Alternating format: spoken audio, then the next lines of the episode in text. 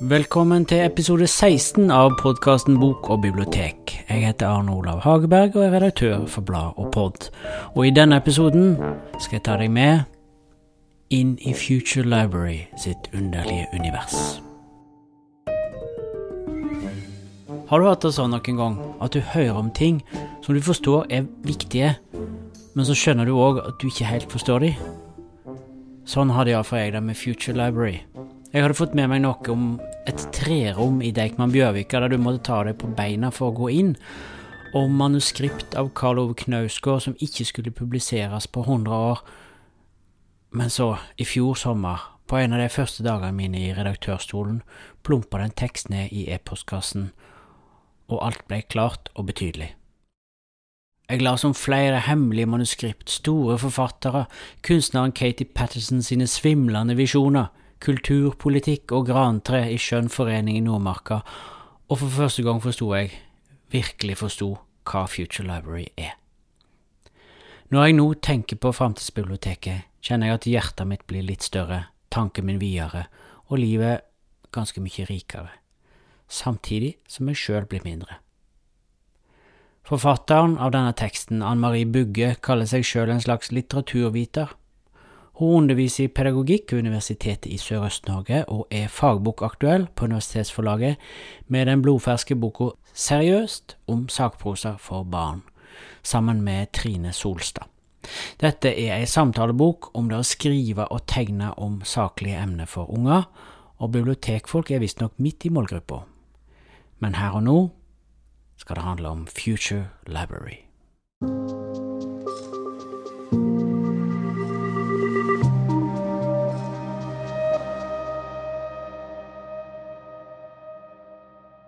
Will there be a Norway? Will there be a forest? Will there be a library? Margaret Atwood, 2014. Future Library, en kunstnerisk iscenesettelse av tid. A Rhapsody. Essay av Ann Marie Bugge. Innlest av Lena Barth Årstad. Bok- og bibliotekspodkast 2023.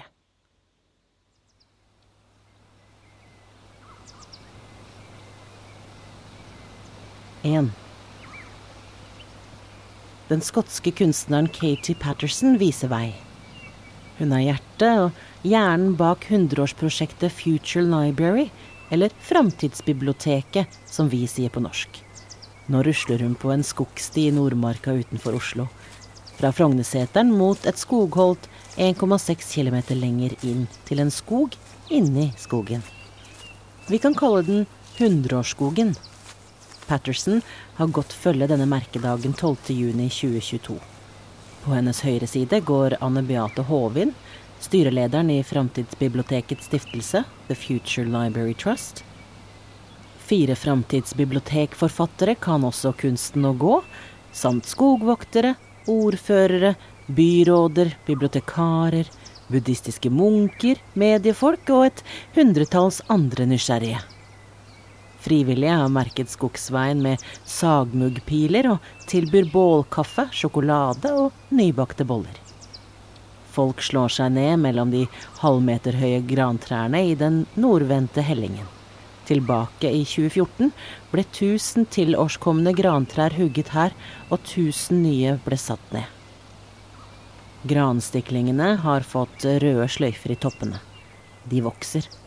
100 år etter at kunstprosjektets innerste krets av medarbeidere plantet dem, skal trærne felles og forvandles til en antologi med 100 fortellinger fra 100 forfattere. Få, om ingen, av denne dagens skogvandrere vil overleve dette tidsspranget. Vel framme i lysningen hopper Anne Beate Håvin opp på en stubbe. Styrelederen har irrgrønn genser på, går ton i ton med juniskogen. Hun ønsker hjertelig velkommen til de frammøtte, som hun titulerer som sin Future Library-familie. Tonen er satt for et nærværende og emosjonelt ritual i skogen. Noen av skogsvandrerne skal senere samme dag ta turen til åpningen av et helt spesielt rom på hovedbiblioteket i Bjørvika. et rom som er kledd i gran fra hundreårsskogen. Kunstneren selv kaller det hele a pilgrimage.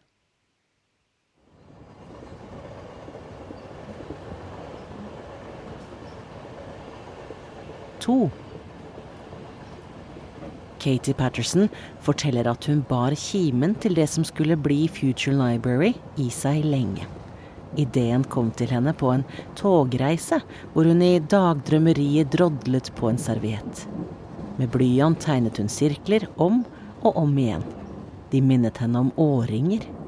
I tankene formet hun en forbindelse mellom trærnes årringer, papir som lages av tremasse, som igjen blir til kapitler i en bok. Hun tenkte på forfattere som graverer sine meninger inn i papiret, og slik gir noe tilbake til trærne, ordenes kraft.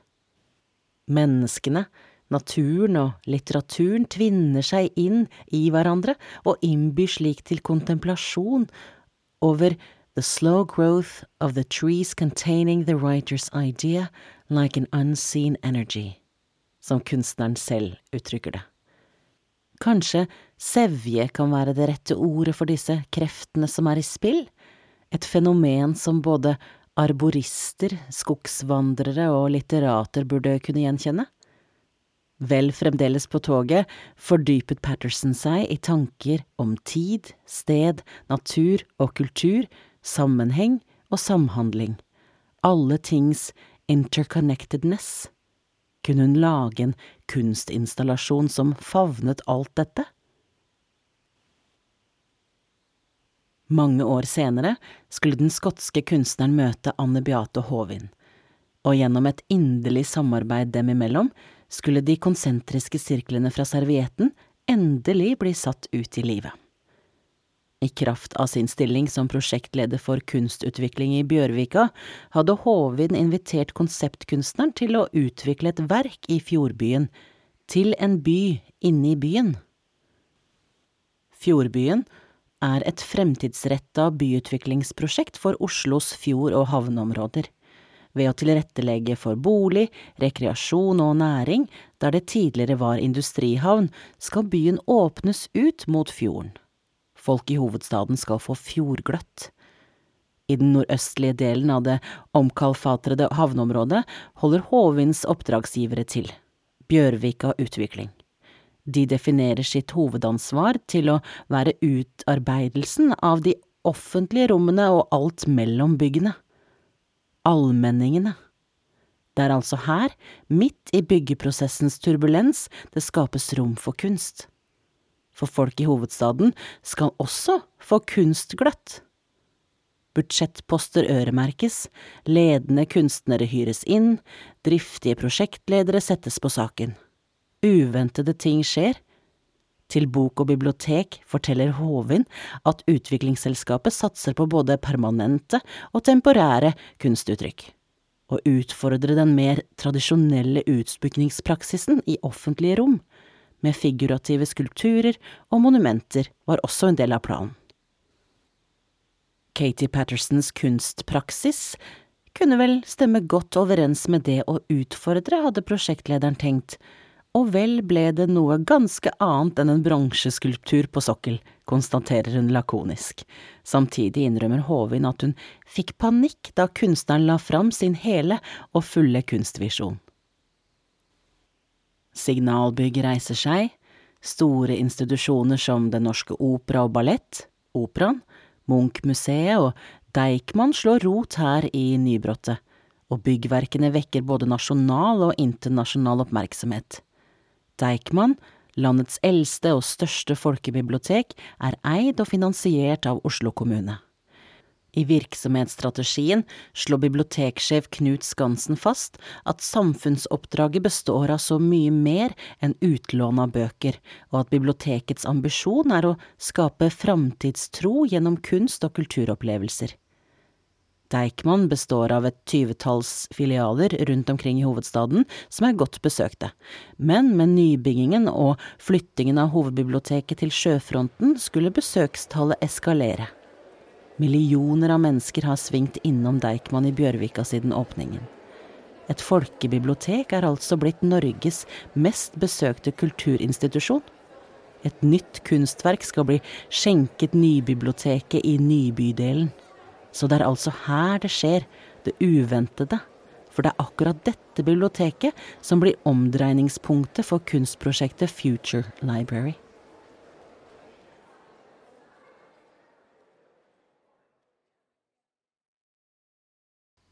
Tre.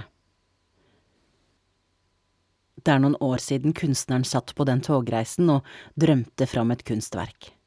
Fra den gang til nå har hun latt de, i og for seg ordinære sakene, skog, seremoni, rom, forfatter, antologi, være susjetter for hennes kunstneriske bearbeidelser. Ved å sette de mange alminnelighetene i spill, iscenesette og lage forbindelse mellom dem, har kunstneren klart å skape noe nytt i dag innbefatter Katie Pattersons visjon en Future Library-skog, en årlig Future Library-seremoni, et Future Library-rom, 100 Future Library-forfattere som skal levere sine unike tekster til en Future Library-antologi. Nyskrevne tekster legges årlig til kunstverket, en tekst for hvert år som går, til de teller 100 i tallet. Disse manuskriptene holdes hemmelig, hemmelig, hemmelig. Verket består av mange aktiviteter, ting og steder som virker sammen til et meningsmettet og energifylt hele. Kunstverket spiller seg ut innenfor rammene av et århundre. Det skal vokse og virke i hele tidsstrekket fra 2014 til 2114. Slik innbefatter verket også et Future Library-århundre tiden det tar. Så tid er, må man kunne påstå, kunstverkets essens.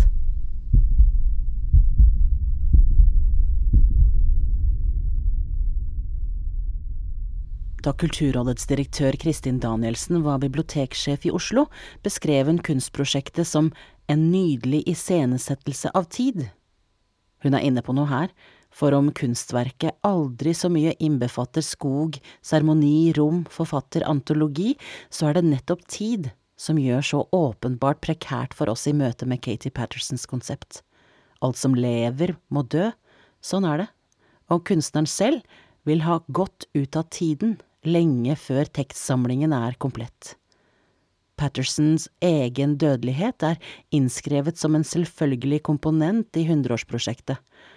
I'm constantly facing up to my own mortality, sier kunstneren selv, og fastholder at det ikke gir grunn til vakling, snarere tvert imot.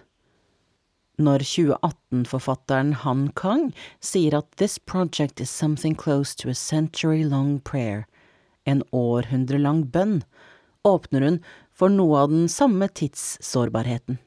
Den koreanske forfatterens bønnbeskrivelse henleder vår oppmerksomhet på hva Future Library i bunn og grunn fordrer. En modus av vedvarenhet, ettertenksomhet, håpefullhet, at det i en verden som ikke opererer med noen garantier, gjelder å sette sin lit til at naturen, menneskene og litteraturen er sterke overlevere. I artikkelen A Question of Time reflekterer Anne Beate Håvin over noe av det samme. Future Library kan bidra til at vi blir framtidslitterater, hevder hun. Håvin trekker blant annet fram viktigheten av å være tidssensitive. Med framtiden i mente kan vi tenke og handle klokere nå. Kunstprosjektet kan inspirere oss til å strekke tankene utover vår egen generasjon, mener hun. Det er katedralsk tenkning. Cathedral thinking et begrep hun selv ble introdusert for av Stephen Hawking. Hun viser også til Greta Thunbergs bruk av begrepet, og hvordan klimaaktiviteten anvender det som metafor for vår tids katedral – jord, vann og skog. Håpet kan være en definerende kraft som gir alt meningsdybde. Like fullt er det et håpeparadoks her, som Maria Horvei fanger i et essay hun skriver om kunstverket. For det er dette som er greia med håp. For alle de gode egenskapene til håpet vil det alltid være bundet til en egen motsetnad. Kaller du fram håp, kaller du også fram hva enn det er håpet er meint å beskytte mot. Så hva kan vi si om Katie Pattersons kunstverk? Kan vi si det dypest sett dreier seg om tid? Og håp? Og trass? I all sin kompleksitet virker i hvert fall kunstverket å inngå i en slags obsternasig håpefullhet om videre vekst, vår sårbare, skjøre og skakke eksistens til tross.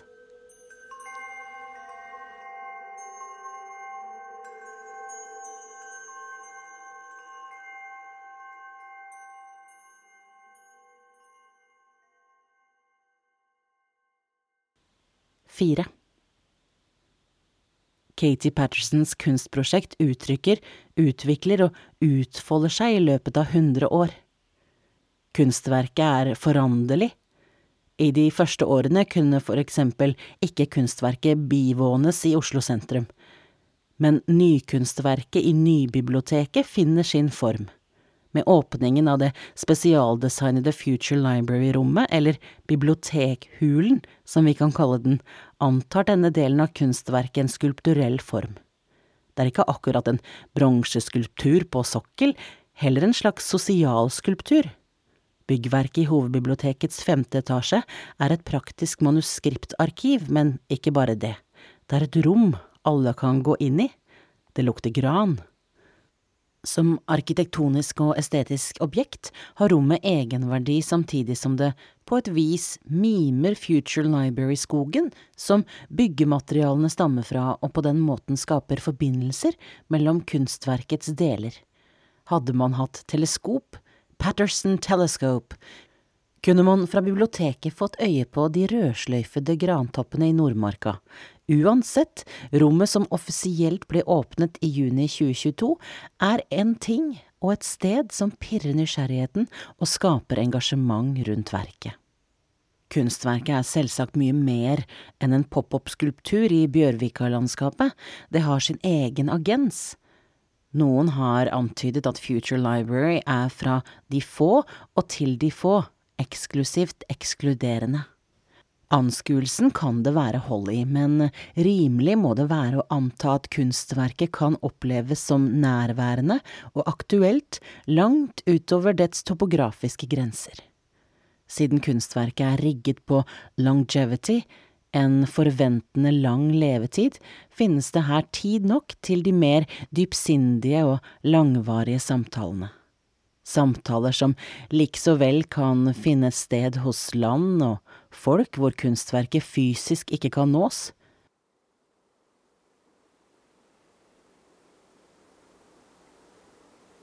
Hundreårsskogen, Bibliotekhulen og Framtidsantologien kan også forstås som potente symboler, som noe som peker utover seg selv, symbolrekkevidden vil i så måte være vidtrekkende.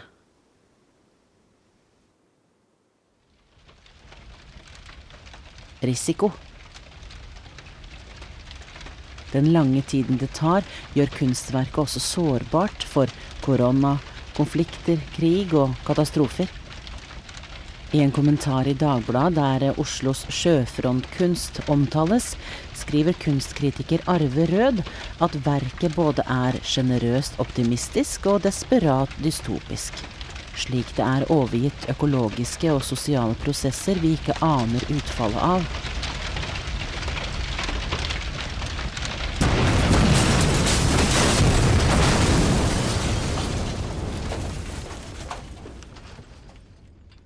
Videre sier han at kunstverket setter det pompøse byutviklingsperspektivet akutt på spissen, og samtidig utvider forståelsen av hva kunst kan være og bety i et åpent demokrati. Elif Shafak, Framtidsbibliotekets fjerde forfatter, funderer på noe av det samme som kunstkritikeren når hun sier hvordan offentlig bibliotek bærer bud om både utopi og dystopi.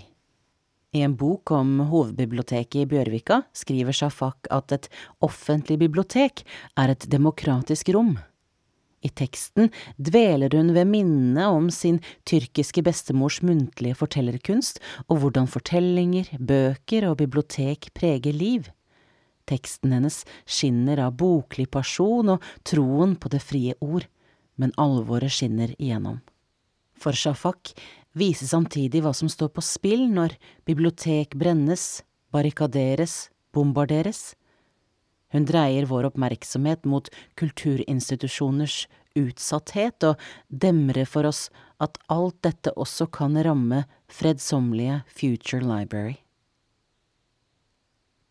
Kunstprosjektets sårbarhet kan selvsagt også ligge i mindre dramatiske forhold enn brann, naturkatastrofer og krigsødeleggelser. Andre kan være at det morsmålet forfatterne skriver på, for eksempel Sjons islandske, ikke vil kunne deschiffreres, at noe går skeis i det høyteknologiske manuskriptarkivet, at tekster blir lekket til pressen, eller at forfatterne ryker uklar. Den enkelte bidragsyters personlige kriser, liv og helse, innebærer naturligvis også en risiko. Future Library er ikke bare utsatt for risiko, men også villig til risiko og risiko innbakt som en virksom og meningsbærende del. Et århundrelangt offentlig kunstverk kan simpelthen ikke eksistere uten.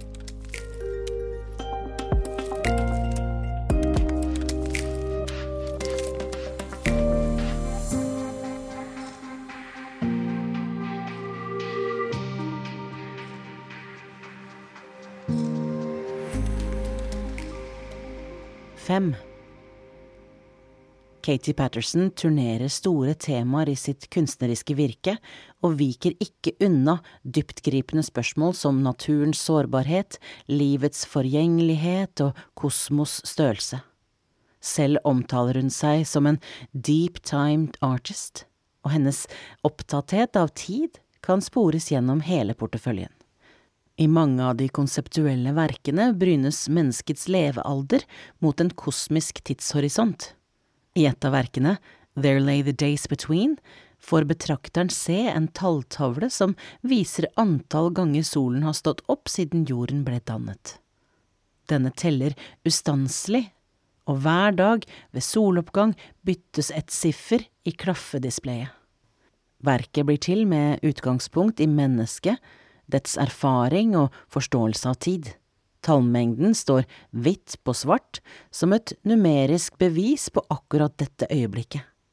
Tallet kan være 2265200533 eller litt høyere, eller litt lavere, evig avhengig av hvor mange soldøgn den enkelte galleribesøkende har bak seg idet kunstverket betraktes.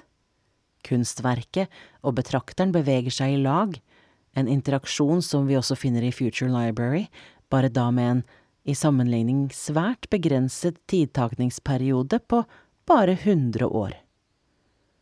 Gjennom mange av Pattersons kunstprosjekt utforskes tidsspenn på milliarder av år. I kosmisk forstand er et århundre svært kort, men Framtidsbibliotekets lille århundre ser likevel ut til å røre og ryste oss på en forunderlig måte. Kunstneren selv antar forklaringen ligger i at 100 år er beyond many of our current lifespans, but close enough to come face to face with it, to comprehend and relativize. Future Library fullbyrdes idet antologien publiseres i 2114, men kunstverket vil ikke bråstoppe av den grunn, for en tro. Kunstverket er også utfolder seg i sann tid, blir til mens det virker her og nå. En måte å nå fremtidens menneske på, i samme akt som en aktiverer en bedre forståelse av seg selv i samtiden, er nettopp å holde samtalen gående. En samtale som kunstverkets totale innretning inviterer til. Framtidsbiblioteket, som så mange av hennes arbeider, er også en dialog mellom flere fagfelt og kunstarter. De blir til i skjæringspunktet eller sjiktet, eller bare som en blanding av vitenskap og poesi, kan man kanskje si.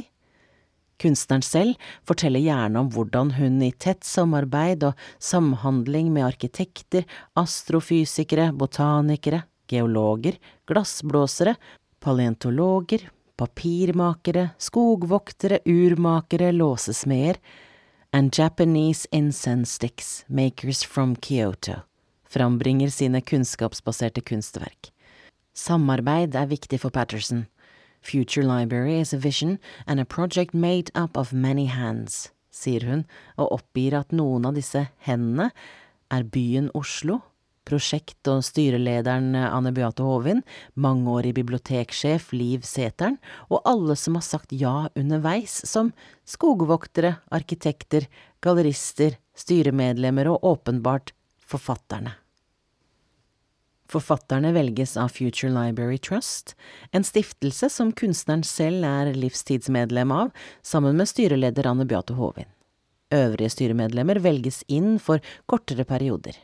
I dag består styret av Ingrid Engelstad fra forlaget Oktober, Håkon Harket fra forlaget Press, Simon Prosa fra det britiske forlaget Hamish Hamilton, Paul Erik Tøyner fra danske Louisiana Museum of Modern Art, Merete Lie er den nye representanten fra Deichman Bjørvika etter at tidligere biblioteksjef Liv Seteren, som har vært med siden begynnelsen, ble takket av på høstparten. Ifølge styret velges forfattere som fremviser fremragende litterært talent, ytringsvilje og ytringsmot. Tekstene deres beskrives som særegne, fantasifulle og dypsindige. Det blir ikke stilt krav til valg av tematikk, tekstlengde, språk eller uttrykksform, bortsett fra at manuskriptet kun skal inneholde verbaltekst. Forfatternes litterære behandling av begrepene tid og forestillingsevne synes likevel å være fellesnevneren som stiftelsesstyret navigerer etter i utvelgelsesprosessen. Patterson har flere ganger uttalt hvor fascinert hun er av de utvalgte forfatternes synergy with the idea of time.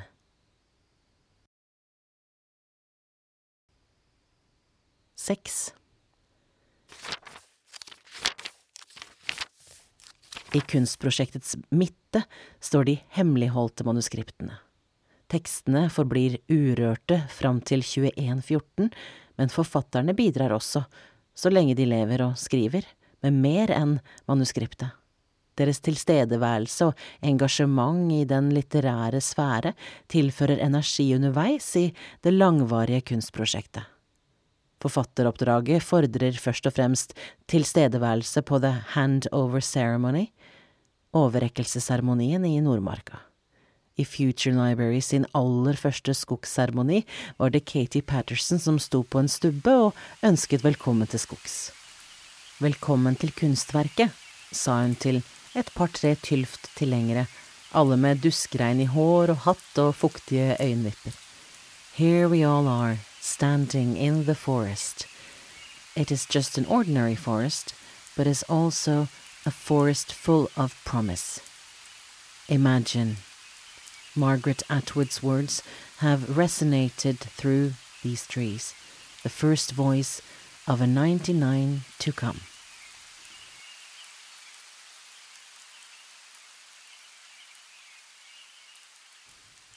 Den svenske psykologen og lyrikeren Thomas Jøstad Transtømer skal ha vært tiltenkt en plass i Future Library. I diktet Svar på brev rører nobelprisvinneren ved tid på sin særegne måte.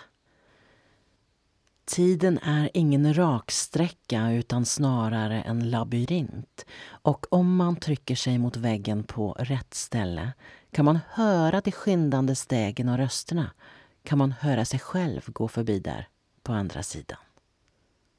Det er nesten som om en kan høre Katie Pattersons kunstverk kime gjennom diktets fortettede billedspråk.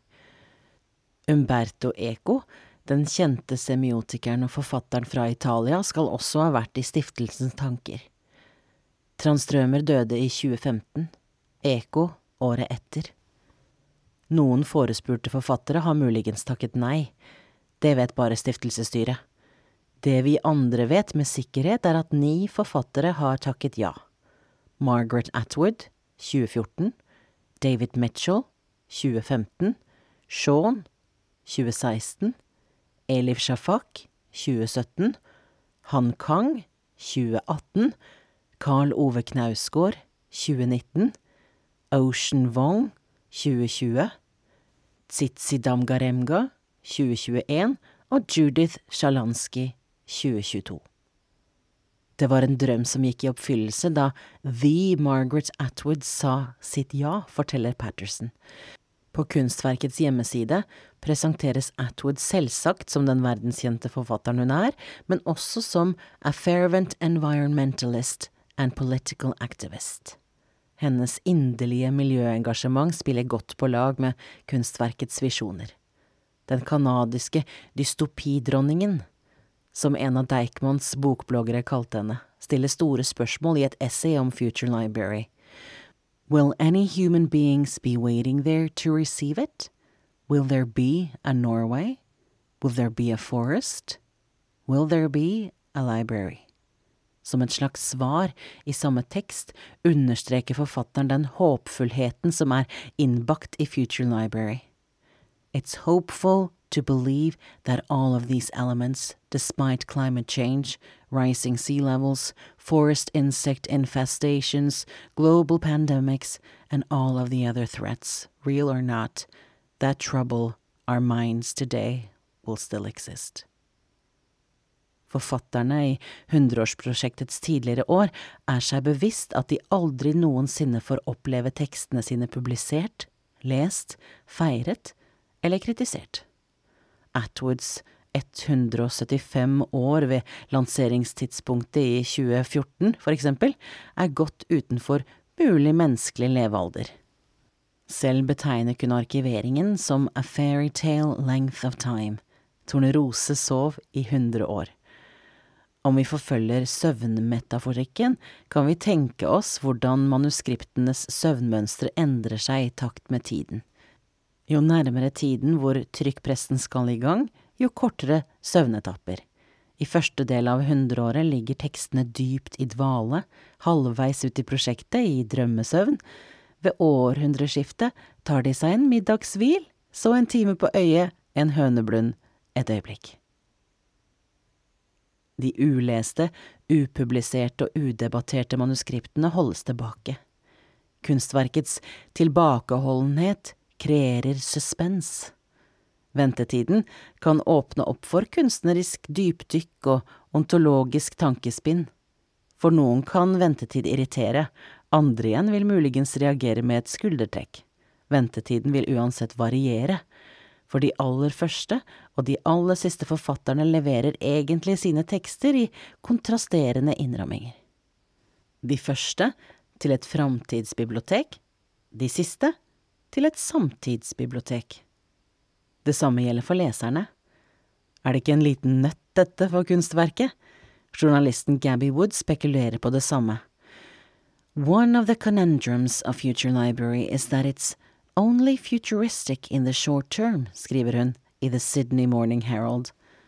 På en annen side, kunstprosjektets veving av fortid, nåtid og framtid skubber litt i oss og får oss til å reflektere over tid og vår alles væren i den, uansett hvor i kunstprosjektets hundreår vi befinner oss. Og så er det jo slik, på sikt vil alle de hundre forfatterne ha levert sitt manuskript til et fortidsbibliotek hva som er den mest givende eller vanskeligste tiden å være i for forfatterne, leserne og kunstprosjektet i sin helhet, vel, det vil kun framtiden vise. Inntil videre leverer forfatterne sitt skriftlige bidrag uten å kunne bokbades med bok i hånden. Samarbeidet med Norsk litteraturfestival på Lillehammer, for eksempel, bidrar allikevel til at forfatterne får oppmerksomhet nå. Bok og bibliotek traff 2016-forfatteren Shaun i litteraturbyen dagen før han skulle overrekke manuskriptet sitt.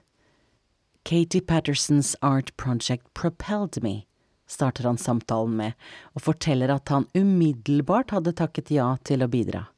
I min forstand fungerer Future Library som a constant reminder of the importance of free speech and the art of storytelling, sa han. Han hadde akseptert det faktum at han som enkeltforfatter fort kan bli usynlig, men håpet at hans fortellinger ville leve videre inn i en frisk og freidig framtid. Andre forfattere har måttet ta betenkningstid. som Han Kang, som Bok og bibliotek snakket med rett etter at hun hadde levert sitt manuskript i Nordmarka. Hun hadde trengt lang tid for å fordøye det faktum at hun selv og alle hun kjenner vil være død innen hennes verk publiseres. Men nå som overrekkelsesseremonien var over, kjente hun på en lettelse, sa hun til oss. Future Library has now respectfully claimed ownership to my manuscript. Although sorrowful, I am now relieved.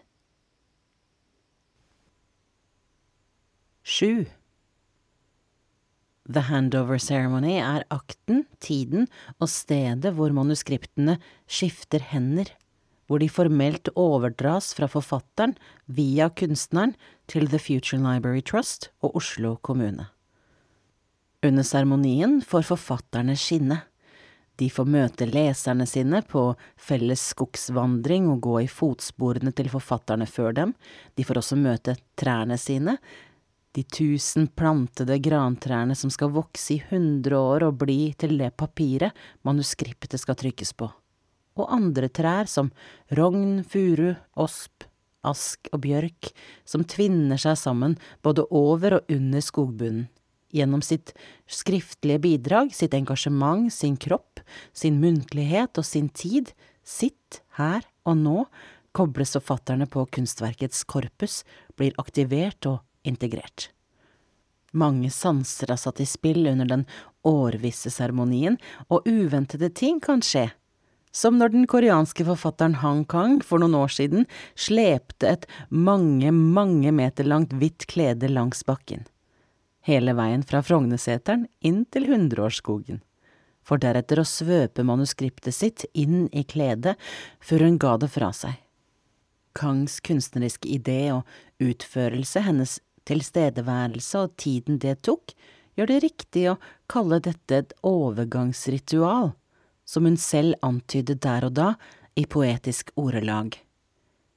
Carrying my cloth here, it was like a wedding of my manuscript, with this forest, or a small funeral. Wasting to be reborn, hopefully, or a lullaby for a century long sleep, softly touching the earth all the way.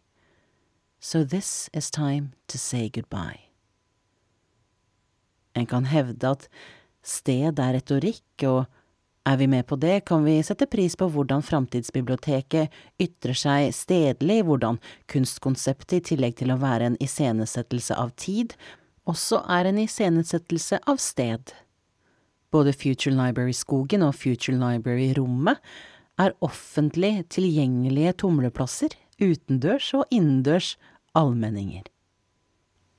Stedene er meningsbærende og betydningsfulle i seg selv som kunst, kunststeder, steder for kunst, de er permanente med, skal vi si, temporære kvaliteter.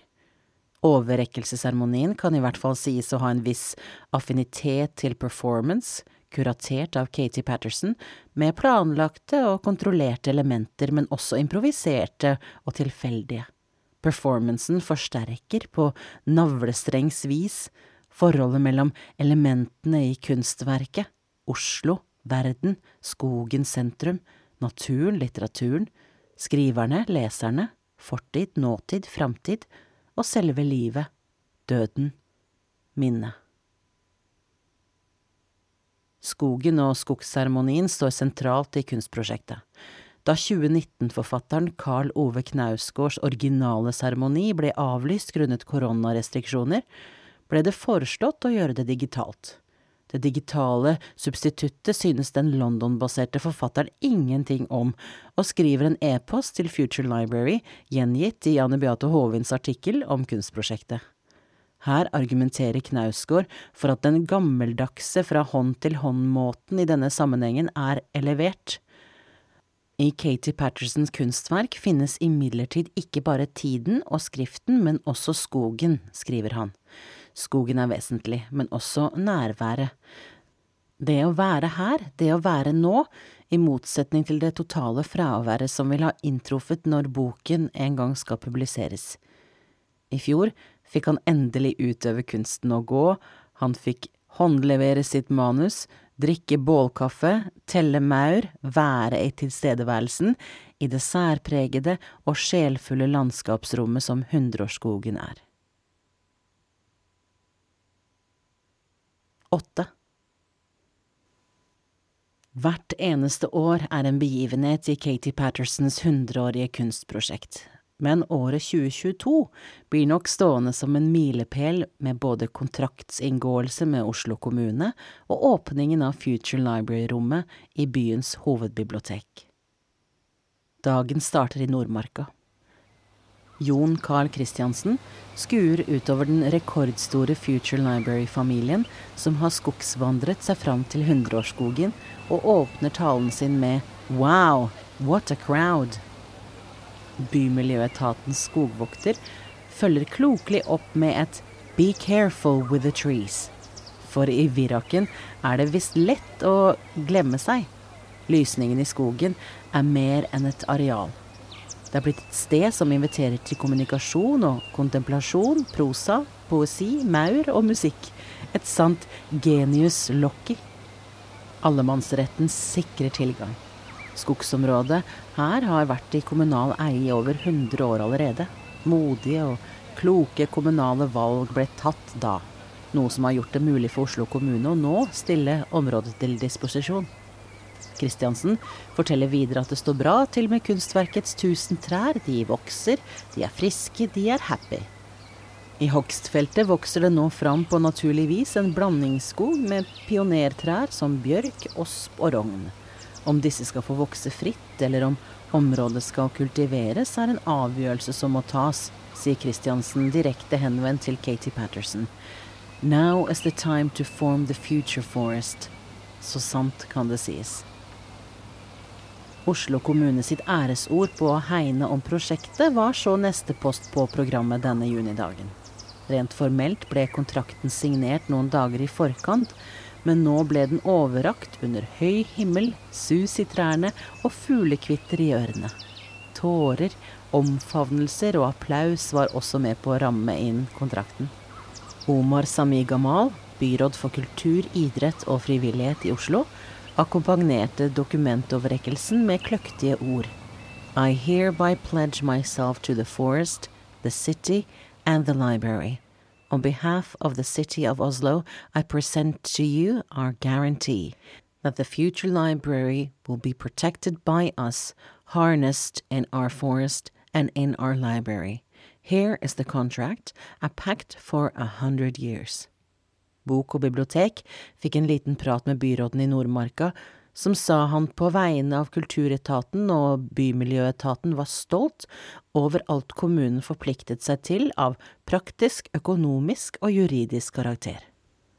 Han sa han, både som politiker og privatperson, tenkte på kunstprosjektet som et vakkert symbol på goder som frisk natur, ytringsfrihet og tilgang til sikker informasjon, og, la han til, Future Library minner oss på noe vi ofte glemmer, at det må kjempes for fellesskapets goder. Ved siden av byråden står Oslos ordfører, med Karl Ove Knausgård og Tsitsida Geremgas nylig overrekte manuskripter. Det er hun som har ansvaret for å frakte dem trygt til manuskriptarkivet i Bjørvika. Dokumenteskene holdes i et fast, rent, omsorgsfullt grep. Det kan se ut som en bysser Bysser du dem, Marianne Borgen, svarer bekreftende og fortsetter, å holde disse manuskriptene kan nok sammenlignes med det å holde et barnebarn i favnen, det er i hvert fall vakkert, og det medfører et meget stort ansvar. Hun forteller hvordan Future Library trenger dypere inn i hjertet for hvert år som går. Det å selv eldes, samtidig med at barnebarna kommer til en etter en, syv stykker har det blitt, har fått henne til å reflektere over verdien i kunst- og kulturprosjekter som strekker seg over generasjoner. Framtidsbiblioteket er nettopp et slikt kunstprosjekt som bygger broer over generasjoner. Ordførerens ord klinger godt med det Tsitsidan Dangeremga sa da hun overrakte manuskriptet sitt. What excites me about this project is how it brings us today to think differently about our present, and how the present is going to lead us to a different future. 9. Noen timer etter skogsvandringen i Nordmarka skulle 12. juni 2022 huse enda en stor begivenhet for kunstverket innvielsen av Future Library-rommet, The Silent Room, Stillerommet. Det tolv kvadratmeter lille rommet har kunstneren selv designet i samarbeid med hovedbibliotekets arkitektteam, Lund Hagem Arkitekter og Atelier Oslo. Ordføreren står for den offisielle snorklippingen. Katie Patterson sier for andre gang denne dagen at det er a milestone for a visionary project. De som besøker hovedbiblioteket, kan ta heis eller rulletrapp opp i femte etasje, hvor man finner studieplasser, avdeling for samfunnsfag, psykologi og filosofi, samt Deichman-samlingen. Opplysningsmannen Carl Deichman var blant annet en boksamler, og i troen på at kunnskap og opplysning kunne bringe fram det beste i folk, testamenterte han boksamlingen til byen Kristiania i 1785. Samlingen skulle bli starten på hovedstadens offentlige bibliotek. I dag, i samme etasje, kan den altså stoppe opp ved en annen samling, de hemmeligholdte manuskriptene tiltenkt lesere der framme i 2114.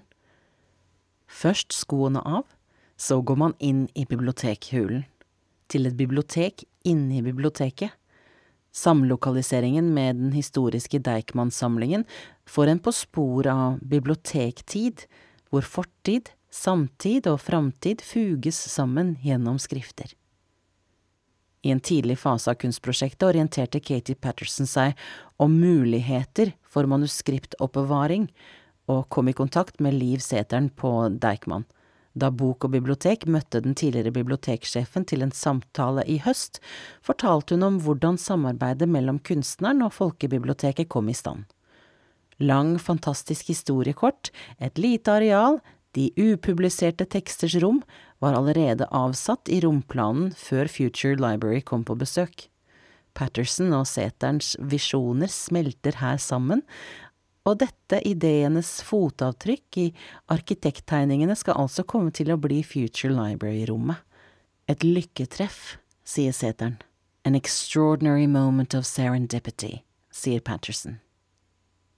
I dag er rommet et manuskriptarkiv komponert med hundre lag.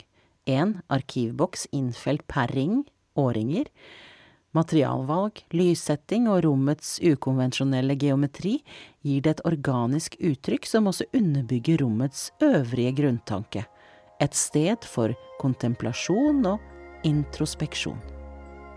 Katie Patterson og arkitektene søkte inspirasjon til romkonstruksjonen fra naturlige, meditative og hellige rom.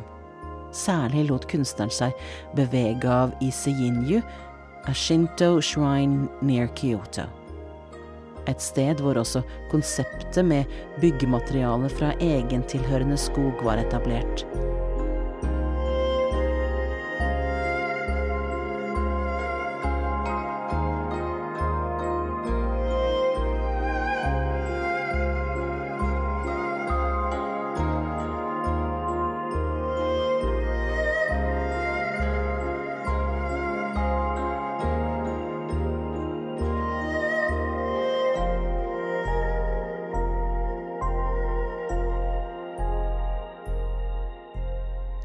Trevirket til Future Library-rommet er tilvirket av de tusen grantrærne som i mai 2014 ble felt av store skogsmaskiner i Future Library-skogen. Tømmeret ble kuttet til over 16 000 treklosser som siden ble puslet sammen for hånd av tømrerbedriften Timber. Tornerose sov i 100 år, så rommet er høyteknologisk med spesialutviklet arkivskuffer med låsemekanismer, nøkler og alarmsystem. Alt for å sikre at de hemmelige manuskriptene skal forbli akkurat det fram til 2114. Mens man har ventet på at Future Library-rommet skulle bli ferdig bygget, har de hemmelige manuskriptene vært i oppbevaring i Oslo byarkiv helt ute av syne. Denne junidagen i 2022 blir alle de hittil innleverte manuskriptene samlet. Kunstneren selv, brakte Margaret Atwoods pionertekst inn i arkivet, etterfulgt av tidligere biblioteksjef Seteren, som installerte Elif Shafaks manuskript, og så ble Han Kangs manuskript fulgt helt hjem av styremedlem Prosser. Resten av forfatterne kunne selv låse inn sine manuskripter, som de holdt i sine hender for aller siste gang.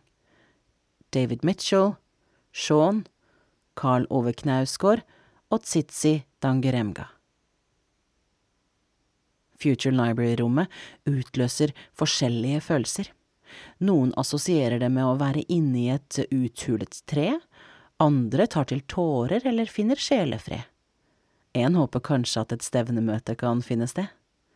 Rosie Goldsmith fra BBC henter eh, metaforene sine fra kvinnekroppen i den beskrivelse av rommet som a womb-like treehouse, mens David Mitchell henter sine bilder fra romfarten. Etter at han hadde lukket inn manuskriptet sitt i arkivskuffen, fikk han følelsen av å ha sendt av gårde babyen sin. In the cryogenic chamber and its interstellar flight to the year 2114.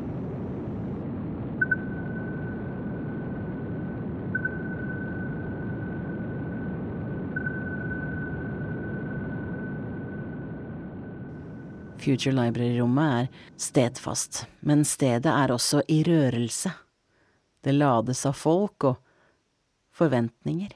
Det lades av stadige endringer, som manuskriptskuffens krystallfronter som graveres med forfatterens navn og årstall, nye navn for hvert år som går. Og årene går. Forfattere trer inn og ut av rommet. Bivåner, ånder og smekklåser inn sine papirmanuskripter. De tar eierskap til rommet, setter på sett og vis sitt bumerke på innsiden av det uthulede treet. Ikke helt ulikt lommeknivspissens retoriske riss i eldgamle trær, slik man kanskje selv gjorde i sin ungdom. A pluss B er lik sant. Knock on wood, kjære tre, tilgi oss, la det skje, gi oss skogens ro, la det være oss to, eller bare et hei, framtiden, akkurat vi var her akkurat nå, kan du skimte oss? Ti. Kommende sommer vil det være Ocean Wong og Judith Sjalansky som gjester Hundreårsskogen og Bibliotekhulen for å møte sine lesere, møte sine trær, risse sine navn inn i barken. 2020-forfatteren Wong har tidligere måttet avlyse det han omtaler som a momentous and humbling ceremony designed as a vote of hope and cautious optimism in our future. Den vietnamesisk-amerikanske poeten Wong behandler sårbarhet litterært, og verkene hans blir lest som følsomme og elegante betenkninger over tap, tid og tilhørighet. Den tyske forfatteren og bokdesigneren Judith Sjalansky er kunstprosjektets niende og hittil siste utvalgte forfatter. Sjalansky uttrykte sin takknemlighet for å bli del av den forfatterstall whose text will one day, when published, dialogue and interact with each other. Wong og Sjalanskis litterære talent folder seg ut i deres upubliserte tekster, for så å bli kapslet inn sammen med de andre enestående verkene fra Atwood og co. Hver forfatter og hver tekst har sin egenverdi. Når de innlemmes i antologien, blir de redefinerte, blir til på ny, til et kunstverk inni kunstverket. Kraften fra forfatterens skrivekunst siver inn i stammen, stiger som sevje styrker kunstverket innenfra. Future Library vokser, forfatter for forfatter, kapittel for kapittel, år for år, som årringer i et tre. Future Library er a living, breathing, organic artwork, for å bruke kunstnerens egen beskrivelse. Ikke én stabil kunstting, kanskje snarere en ting å tenke med, en utgangsstilling for den bevegelse det er å spekulere, fundere, overveie, grunne og gruble. En slags tenketank. Et eh, initiativ til å tenke seg om, forestille seg framtiden og handle deretter. Kunstprosjektet har også en estetisk effekt, slik alle fortellinger har. Fortellinger kan stimulere fantasien, oppøve imaginasjonsevner og styrke vår fortellingskraft. I boken Forstå fortellinger sier Per Thomas Andersen at disse egenskapene er av betydning fordi det å forestille seg dystopier, for å ikke å snakke om utopier, er i dag sannsynligvis avgjørende for hvordan kommende generasjoner skal kunne takle det fremtidige risikosamfunnet. Litteraturforskerens antagelser har fin overføringsverdi til Katie Pattersons kunstnerskap og hennes form for storytelling. Future Library er, som livet selv, et risikoprosjekt. Et risikoprosjekt som holder oss på alerten, maner til handling gjennom en ivaretakelse av håpsdimensjonen og kjærligheten til det nye som skapes, til det som gror. Det er så mye mer man kunne ha sagt om gesamtkunstverk som Future Library.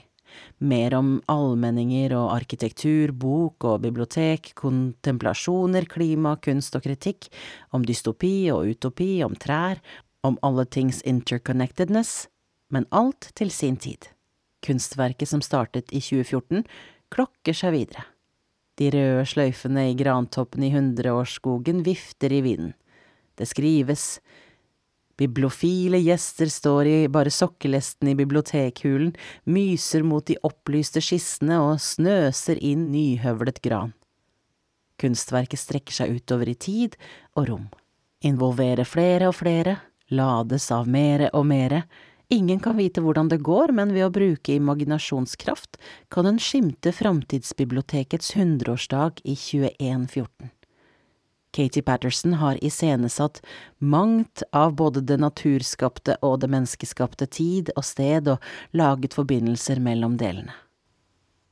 Future Library kan ikke gjøre alt for oss, men vi er bydd inn til en Miss Onabym-aktig utforskning, til en skog inni skogen, til en by inni byen, til et bibliotek inni biblioteket, til et kunstverk inni kunstverket. Om vi lar oss begeistre og bevege, skrur på sensitiviteten og engasjerer oss i nåets bibliotek og framtidens, og alt som må til for å skape det, omskapes også vi til en av verkets virksomme deler. Gjennom kunstverket fornemmes et livsbejaende temperament, og samtidig virker kunsthandlingen som en akutt påminnelse om egen dødelighet.